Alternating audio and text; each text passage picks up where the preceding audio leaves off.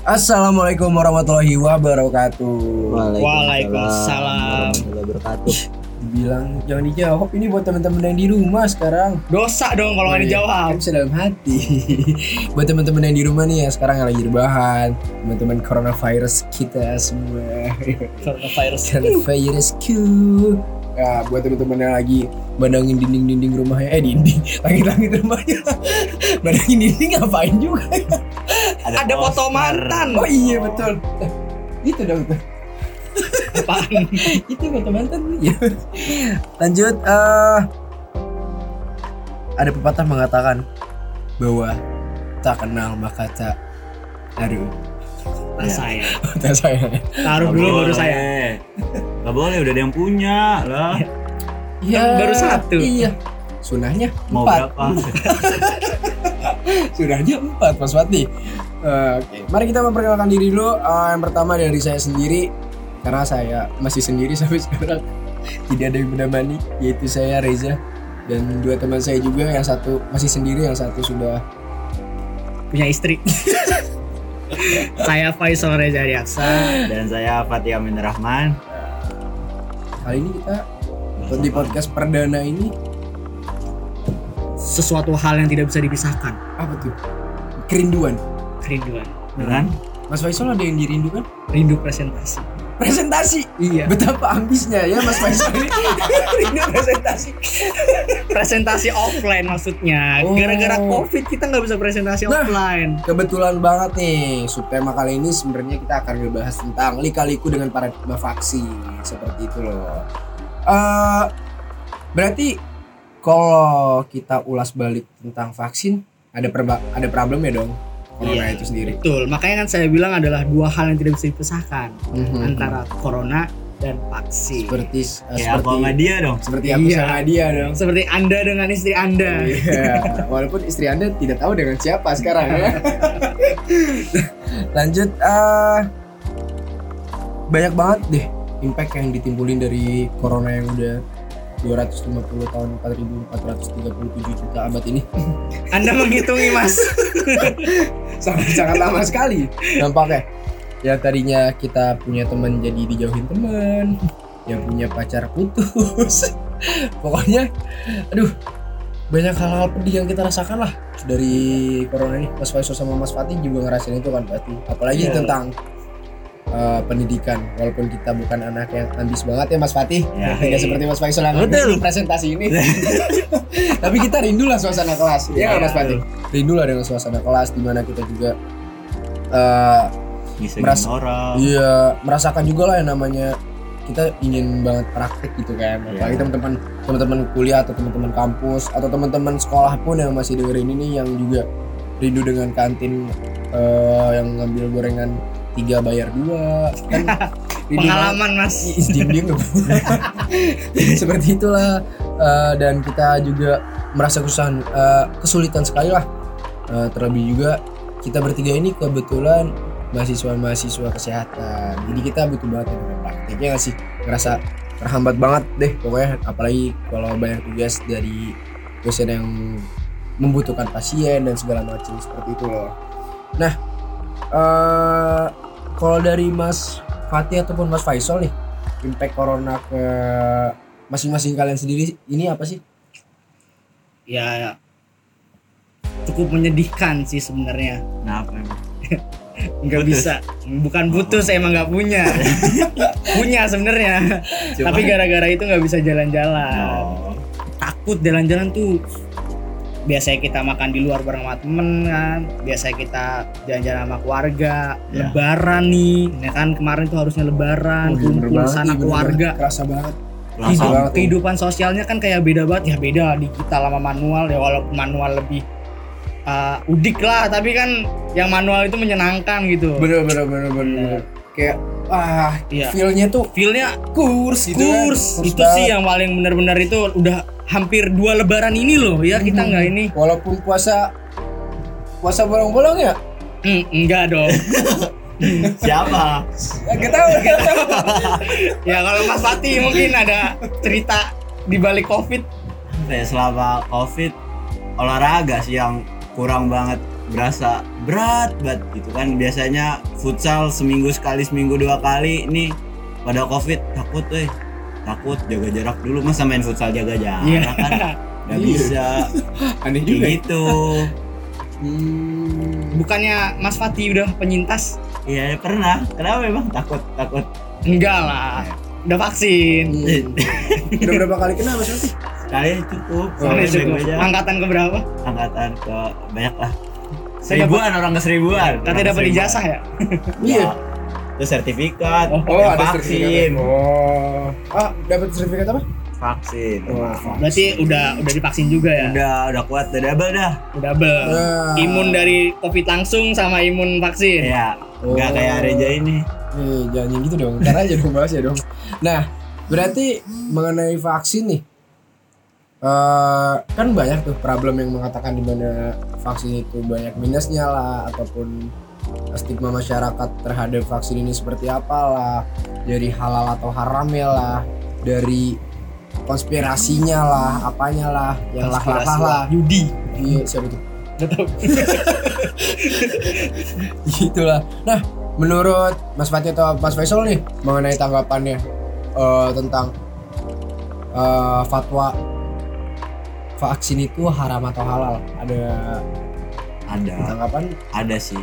Kan dari MUI kan udah nyatain ya kalau ada di Al-Quran kalau ya vaksin itu sebagai usaha kita buat uh, menanggulangi masalah COVID ini. Masa ya umat ya Indonesia ini masih mau terus jaga jarak social distancing tanpa ada solusi yang benar-benar uh, penguatan imunnya gitu loh nanti yang ada malah yang nggak ketolong dengan imun akhirnya banyak korban yang meninggal karena covid itu sendiri gitu. Hmm, berarti ini bersangkut pautan dengan yang namanya herd immunity ya Iya. Hu- immunity herd, Iya. herd, Rame tuh herd immunity. herd, herd, herd im- Immunity. Oh, susah belibet saya abisnya lidah saya tuh lidah-lidah saya tuh sebenarnya tinggal di Jakarta, lahir di Jawa dan saya Pulang besar kampung ke Papua ataupun ke Banda Aceh. besarnya ke Besarnya di Batam, Bekasi. oh. Itu Batam saya dari sana. Oh, Orang ya. black market ini. ya sebenarnya banyak sih ya omongan-omongan herd immunity itu ya sebelum vaksin ada mungkin bahkan ya herd immunity itu udah diperbincangkan katanya ya langkah pemerintah pengen mengurangi populasi kan Hmm, dengan hmm, herd immunity ini. Eh, pernah dengar pernah dengar. ya kan? Terus pengen kayak ya udah dibiarin aja lah hashtag berdamai dengan covid gitu kata Pak Presiden pernah juga gitu. Padahal maknanya bukan itu teman-teman. Hmm, herd immunity itu apa sih mas? herd, immunity, herd immunity itu kan jadi belibet juga kan nih. Emang susah ya. emang susah. Herd immunity itu adalah kekebalan populasi. Nah kalau ada kekebalan populasi ini kan pasti harus ada yang dikebalkan dulu untuk populasinya ini kan. Hmm. dengan cara vaksin ini. Jadi jadi itu sebenarnya vaksin dulu baru bisa herd immunity mas. Gitu. Oh, berarti kayak Mas Fatih ini ya, dia udah divaksin berarti dia udah ada herd immunity ya? ya jadi herd immunity itu uh, hitungannya adalah populasi. Jadinya per populasi per wilayah itu dengan si vaksin ini keefektivitasan dari kita udah vaksin ini Itu syarat adanya herd immunity itu harus sudah 70% itu Kurang. warganya itu udah divaksin Oh. Iya, itu baru udah bisa herd immunity, Oh. bisa menjalankan herd immunity. Ya mungkin masyarakat sekarang kan ragu gitu karena ya berdasarkan survei dari Kementerian Kesehatan juga yang dikeluarkan untuk penerimaan vaksin kan ada masyarakat ku- apa belum terjamin keamanannya menjawab seperti itu.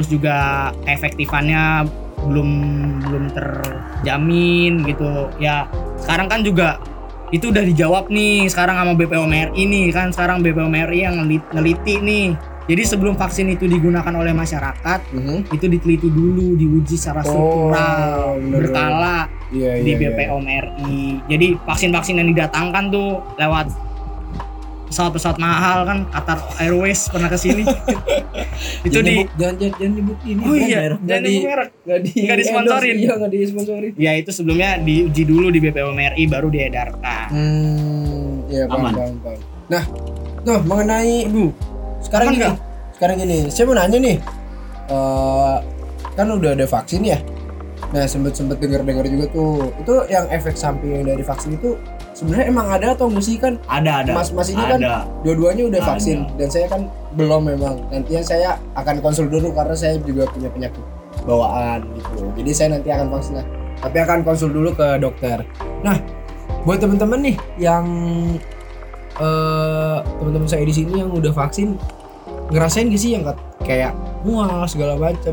Atau pernah dengar cerita? Bukan mual sih. Kalau saya sendiri habis divaksin ngantuk lapar oh. Terus kayak apa kan divaksin di tangan ya tangannya jadi agak pegal-pegal gitu. Tapi saya pernah dengar cerita sih dari teman saya habis divaksin tuh kayak uh, mual pulang habis dari vaksin mual demam tiga hari kayak gitu. Hmm. kipinya emang gitu kali ya? Gimana tuh? Mas Faisal mungkin tahu? Iya, memang kan respon tubuh masing-masing kan terhadap vaksin itu kan berbeda-beda. Memang disebutkan uh, vaksin itu memiliki penyerta atau dinamakan KIPI itu yang tadi yang dibilang sebutkan oleh uh, Mas Fatih. Saya juga sudah divaksin nih. Penyerta saya tuh alhamdulillah ringan seperti kayak Mas Fatih tadi, cuma lapar, ngantuk, pusing Oh. dikit. Nah, ada juga nih teman saya juga kemarin habis divaksin tuh pusing banget.